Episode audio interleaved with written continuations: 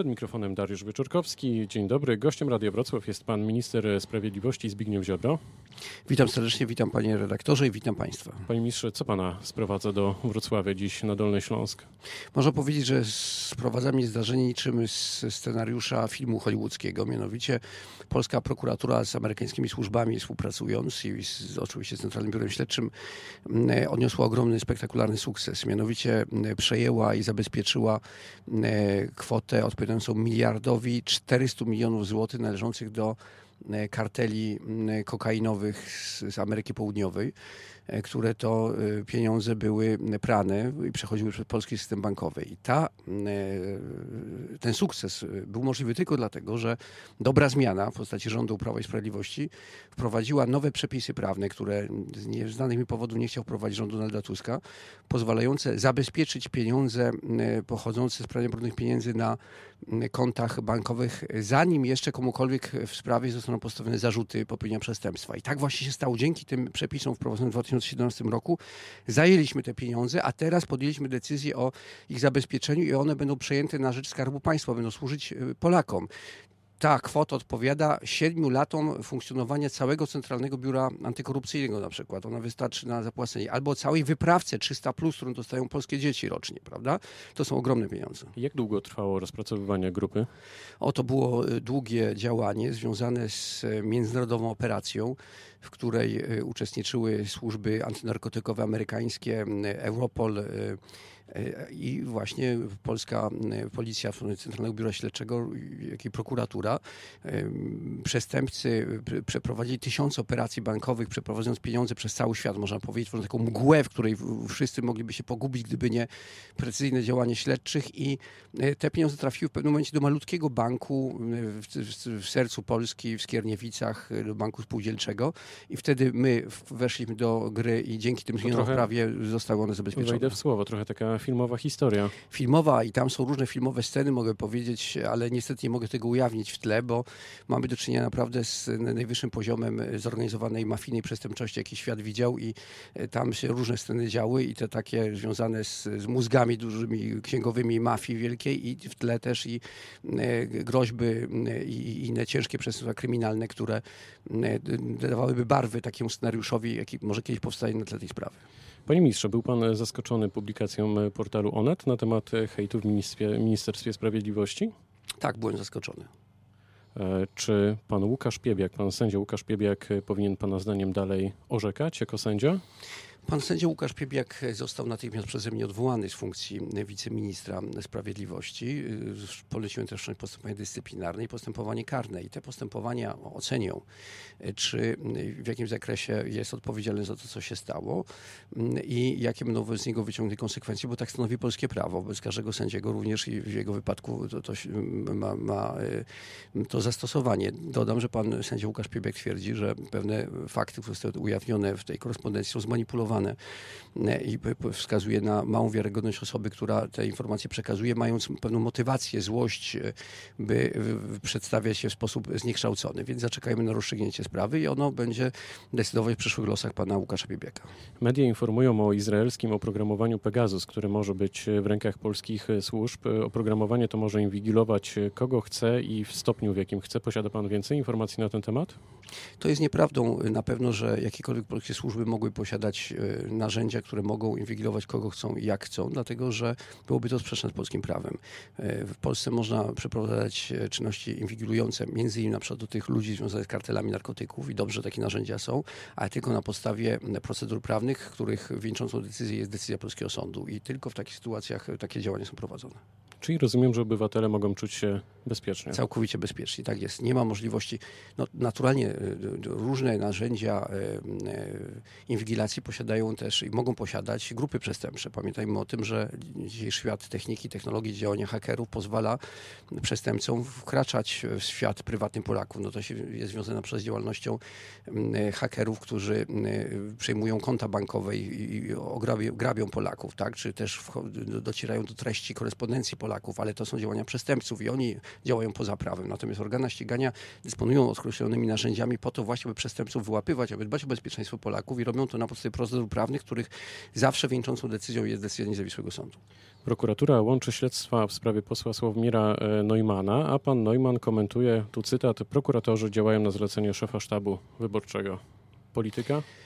Wie pan, no, rodzi się pytanie, mm, dlaczego y, człowiek, który jest w polityce, ma stać ponad prawem? Jeżeli mm, z ustalenia śledztwa wskazują zeznania świadków, również ludzi związanych z rządem Platformy Obywatelskiej, w okresie rządów pełniących określone funkcje Platformy Obywatelskiej, że pan Neumann miał wykorzystywać swoją funkcję jako wiceminister sprawiedliwości, by załatwiać dla prywatnego podmiotu firmy w fazie farmaceutycznej działającej w tym obszarze mm, decyzje korzystne, mimo wiedzy, że ta firma, ten prywatny podmiot y, oszukiwał polskich pacjentów, bo dostawał y, na określoną działalność dotacje z polskiego państwa i powinien za darmo świadczyć te usługi, a tymczasem pobierał od Polaków nieświadomych, którzy przychodzili te usługi prawda, wykonywać, dodatkowe bardzo wysokie opłaty. No dochodziło tu i do jawnego oszustwa przecież, prawda? I pan y, Neumann wedle ustaleń prokuratury, mając świadomość tego rodzaju zarzutów, mimo to doprowadził do przedłużenia korzystnych dla tej firmy decyzji, pozwalających no, dalej kontynuować proceder związany z, z, uzyskiwaniem poważnych środków funduszy publicznych. No, tego rodzaju zachowanie zostało ocenione jako przestępstwo szeroko rozumianej korupcji, e, zakwalifikowane z artykułu 231 paragraf 2 kodeksu karnego i nie ma żadnych powodów, aby pan Neumann e, był zwolniony z odpowiedzialności. Niech o tym się wypowie niezawisły sąd. Natomiast mogę powiedzieć, że pan Schetyna, Platforma Obywatelska wiele mówi o standardach. Kiedy pojawiła się sprawa pana ministra Piebiaka, mimo że nie ma tam tak ciężkiego kalibru zarzutów, ja podjąłem natychmiast tego samego dnia decyzję, prawda? Czy następnego dnia, dokładnie rano. E, doszło do dymisji, wyciągnięcia konsekwencji e, i uruchomienia postępowań. Natomiast tutaj przecież są stawiane zarzuty. Jest to sprawa pod kontrolą sądu. I co robi Grzegorz Schetyna, który mówi, że wobec polityków nie obowiązuje zasada domniemania niewinności? Broni, idzie w zaparte swojego kolegę. A drugi pan Gawłowski, sekretarz, prawa ręka też pana Grzegorza Schetyny Platformy Obywatelskiej, oskarżony o pranie brudnych pieniędzy, między innymi korupcję, że dostawał apartamenty w Chorwacji, czy apartament e, i inne pieniądze. No i co robi pan Grzegorz Schetyna? Idzie w zaparte i broni swojego kolegi, mimo że niezawisłe sądy stosowały tam tymczasowe aresztowanie. Ten człowiek siedział w więzieniu i jest dalej najlepszym kumplem Grzegorza Schetyny. Proszę zobaczyć, różnica standardów. Wszędzie mogą pojawić się ludzie, którzy zrobili coś złego, niewłaściwego, tylko państwo i, y, powinno być oceniane i ludzie konkretnie, za to państwo odpowiadają, jak reagują na nieprawidłowości, które wyjdą na jaw. My zareagowaliśmy na nieporównanie drobniejsze przecież historie, które nie, nie są rozstrzygnięte jeszcze. Żaden sąd nie stosował tymczasowego aresztowania, nic się na razie nie potwierdził, są tylko informacje. Natychmiast prawda? Pyta pan o aferę hejterską. A z drugiej strony mamy tutaj bardzo uprawdopodobnione wysoko poważne, ciężkie przestępstwa o charakterze korupcyjnym, szeroko rozumianej korupcji i jest e, obrona w zaparte, nie są wyciągane żadne konsekwencje w sensie odsunięcia do wyjaśnienia, e, by, by, te sprawy zostały rozstrzygnięte przez wymiar sprawiedliwości, niezawisły sąd, a później dopiero by dawać tym ludziom szansę. Więc to jest przepaść pomiędzy e, dobrą zmianą a Platformą Obywatelską. A kto, panie ministrze, pana zdaniem ma rację w tym sporze między sędziami właśnie, a ministerstwem Sprawiedliwości, dlatego że my, obywatele, dostajemy różne sygnały z mediów i tak się zastanawiam, czy, czy taki przysłowiowy Kowalski jest w stanie to zrozumieć tej sprawie, która została określona jako tak zwana afera hejterska, czy, czy, czy ferma troli, prawda? Po pierwsze na to zwrócę uwagę, że nie jest to informacja precyzyjna, bo tam była jedna osoba, która zajmowała się tym hejtowaniem, czy tym trollingiem, nie wiem jak to się nazywa, odmienia, bo to słowa obco brzmiące, rzadko używane. E, była pani Emilia, żona jednego z tych sędziów, prawda?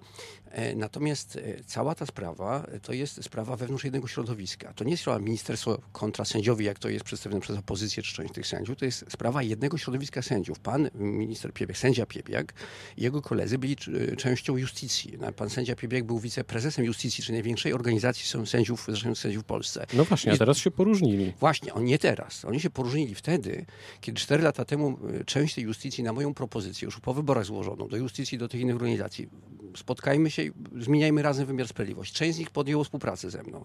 I od tego czasu oni byli od czci wiary odsądzani i wyzywani, hejtowani przez swoich kolegów, pana Żurka i innych sędziów, prawda, występujących w mediach, którym zarzucali im, mówię o całości, o tych różnych zarzutach, jakie pojawiały się, e, złamań standardów moralnych, złamanie kręgosłupa, e, korupcję polityczną, że się sprzedali za 40 srebrników, to można cytować cały zestaw wypowiedzi, które się niczym nie różnią od tego hejtu, który został ujawniony teraz w mediach na tym prywatnym forum tych sędziów z kolei, którzy z nami podjęli współpracę. I w pewnym momencie, nie usprawiedliwiam tego, bo to jest absolutnie nie dające się do usprawiedliwienia, ta grupa sędziów, która zdecydowała się z nami współpracować, łącznie to jest było kilkuset sędziów, którzy współpracują z ministerstwem, ale kilku z tych sędziów prawdopodobnie w poczuciu jakby niesprawiedliwości tych ataków i niezadowoleni, bo wynika to z relacji, e, które przecież gazety podają, z działania biura prasowego Ministerstwa Sprawiedliwości, które w sposób nienależyty ich broniło, zdecydowało się podjąć własną obronę na te zarzuty, które wobec nich było e, kierowane. Czyli krótko mówiąc, mamy do czynienia w sporze wewnątrz środowiska sędziowskiego. Jedna grupa sędziów pokłóciła się z drugą grupą sędziów,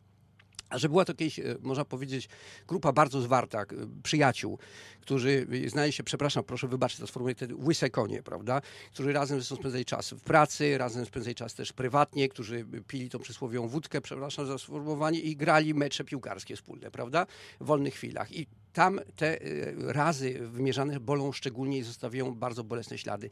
I część z tych ludzi niestety y, nie wytrzymała tego ciśnienia y, i zdecydowała się odpowiadać w sposób absolutnie niegodny, jeśli tak było, podkreślam, zastrzegam, nieakceptowalny przeze mnie, stąd moja reakcja. Natomiast nie można w sposób fałszywy przedstawić ten obraz tej sytuacji, że są anioły z jednej strony sędziowie, z drugiej strony jakaś grupa sędziów w ministerstwie, która tych aniołów, powiedzmy, dźga i atakuje. Nie. To było tak, że to było wet za wet tylko w sposób dla mnie nieakceptowalny. I tak jak nie akceptowałem zachowań pana Żurka i innych sędziów w mediach, którzy zachowują się jak politycy, a często używają języka dużo bardziej soczystego, krwistego i, y, i brutalnego, y, lżą ludzi, którzy pracują z nami od czterech lat sędziów w mediach publicznych. Tak samo nie akceptuję tego, co się stało i jak się zachowali sędziowie związani z pracą w Ministerstwie Sprawiedliwości, dlatego moje zdecydowane działanie. To na koniec, panie ministrze, jest pan zadowolony z efektów reformy wymiaru sprawiedliwości? Wie pan, jeżeli chodzi o reformę prokuratury, choćby dzisiejsza konferencja pokazała to w Wrocławiu, tak, jak najbardziej jestem zadowolony.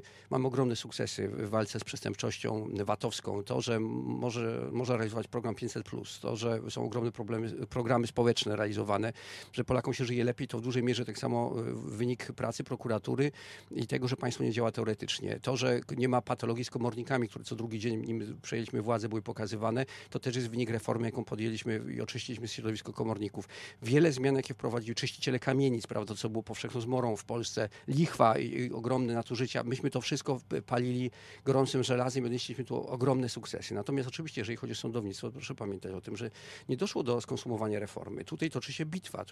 Po stronie części środowiska jest strajk włoski. Więc trudno podsumować reformę, która nie doszła do swojego celu, bo jest, spotyka się z ogromnym oporem części środowiska sędziowskiego oraz oporem polskiej opozycji i też środowisk międzynarodowych z panem Timmermansem, który które wręcz podżegają do tego, aby ten opór był kontynuowany. Bardzo dziękuję za możliwość rozmowy. Muszę bardzo, bardzo dziękujemy. Gościem rozmowy e, Radia Wrocław był pan minister sprawiedliwości Zbigniew Ziobro. Dziękuję bardzo. Pytał Dariusz Wyczorkowski. Dobrego dnia.